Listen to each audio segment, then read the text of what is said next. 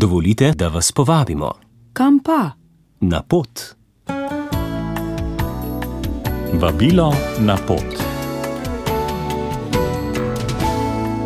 Spoštovani rekreativci, dober dan. Tudi danes bo ta naša rubrika kratka, saj so prenekateri dogodki zaradi poplav preklicani, hkrati pa je na mestu tudi vabilo vsem prostovoljcem, da ponudijo svojo pomoč prizadetim. Danes bomo tako pogledali zgor proti Krederici, kjer bo kot vsako leto slovesno, letos tudi v znamenju solidarnosti za veliki šmaren. Vremenska napoved za gorski svet. Danes je pretežno jasno, popovdne bo nastalo nekaj kopaste oblačnosti, piha večinoma šibak do zmeren veter severnih smeri, temperatura na 1500 metrih je okoli 14, na 2500 okoli 8 stopinj Celzija. In kakšno bo vreme konec tedna? Jutri bo pretežno jasno in še nekoliko topleje, in tudi v nedeljo in ponedeljek se bo nadaljevalo sončno poletno vreme. V nedeljo popovdne bo v hribih severozahodne Slovenije možna kakšna nevihta. Naš namig, mig, mig, mig, za boljši mig. Vabilo na pot.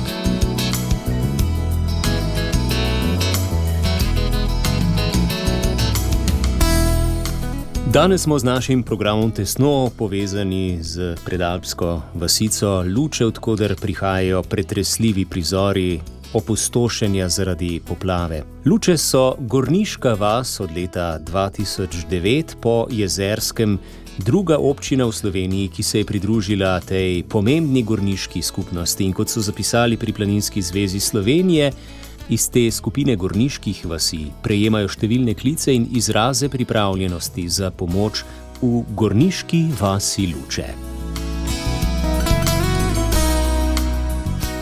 Neurja, poplave in posledično plazovi so za seboj pustili opustošenje. Planinska zveza Slovenije, ki skrbi za mrežo planinskih poti po Sloveniji, še vedno zbira podatke o stanju poti in zapira poškodovane odseke. Ob tem pozivajo vse planince, da se na najbolj kritična mesta ne odpravljate. Za planinski izlet si izberite cilje v ostalem delu Slovenije in ob tem nikakor ne pozabite na nasvete varnega obiskovanja gora.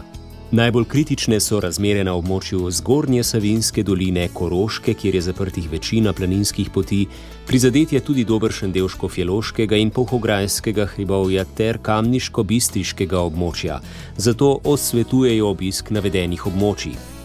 Prihajajoči dnevi ponujajo več sonca in kličejo po obisku gora in hribov, vendarle pa se lahko odločite, da na mesto planinskega izleta raje ponudite svojo pomoč in roke tja, kjer jih potrebujejo. Seveda pa, kot govorimo v našem programu, se organizatorjem najavite, bodi si prek seznama, ki ga vodi Slovenska Caritas ali posebne aplikacije Poplave 2023. Na predvečer praznika Marijinega vnebovzetja bo na Krederici sveta Maša zvečer ob 19. uri. Po njej bo procesija z lučkami o petju litani Matere Božje in blagoslov na vse štiri strani. Na sam praznik Marijinega vnebovzetja, torej v torek 15. pa bosta sveti Maši ob 8. in 11. uri. Ves čas bo priložnost za spoved in pogovor z duhovnikom Mirom Šlibarjem.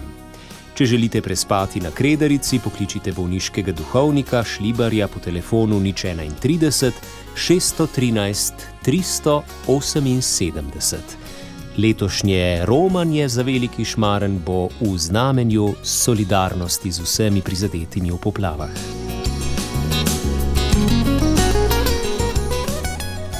Toliko v današnji rubriki, spoštovani poslušalci, tudi v nadaljevanju bomo povezani z dogajanjem na terenu. Naša ekipa je v Savinski dolini v Lučah.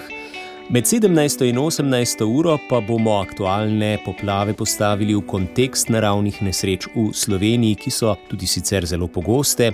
Vprašali se bomo, zakaj se je naenkrat zbralo toliko vode, kaj so hudourniške poplave in kako nastanejo zemeljski plazovi, kakšne so usporednice s poplavami leta 1990. Naš gost, geograf dr. Blaž Kovac, odgovarja takole. Takrat je šlo bolj za ciklonske poplave, tudi uh -huh. prostorsko razsežnejši pojav, se pravi celotne, celotno območje od Kamniško-Savilskih Alp, Karavank proti vzhodu do jugovzhodne Slovenije. Trajale so dalj časa, razporejene so bile čez približno teden dni. Se pravi, za razliko od takratnega dogodka, tokrat območja na vzhodu Slovenije na srečo niso bila toliko prizadeta. Več danes med 17 in 18 uro. Vabilo na pot. Za življenje zdravo, po vdihu naravo.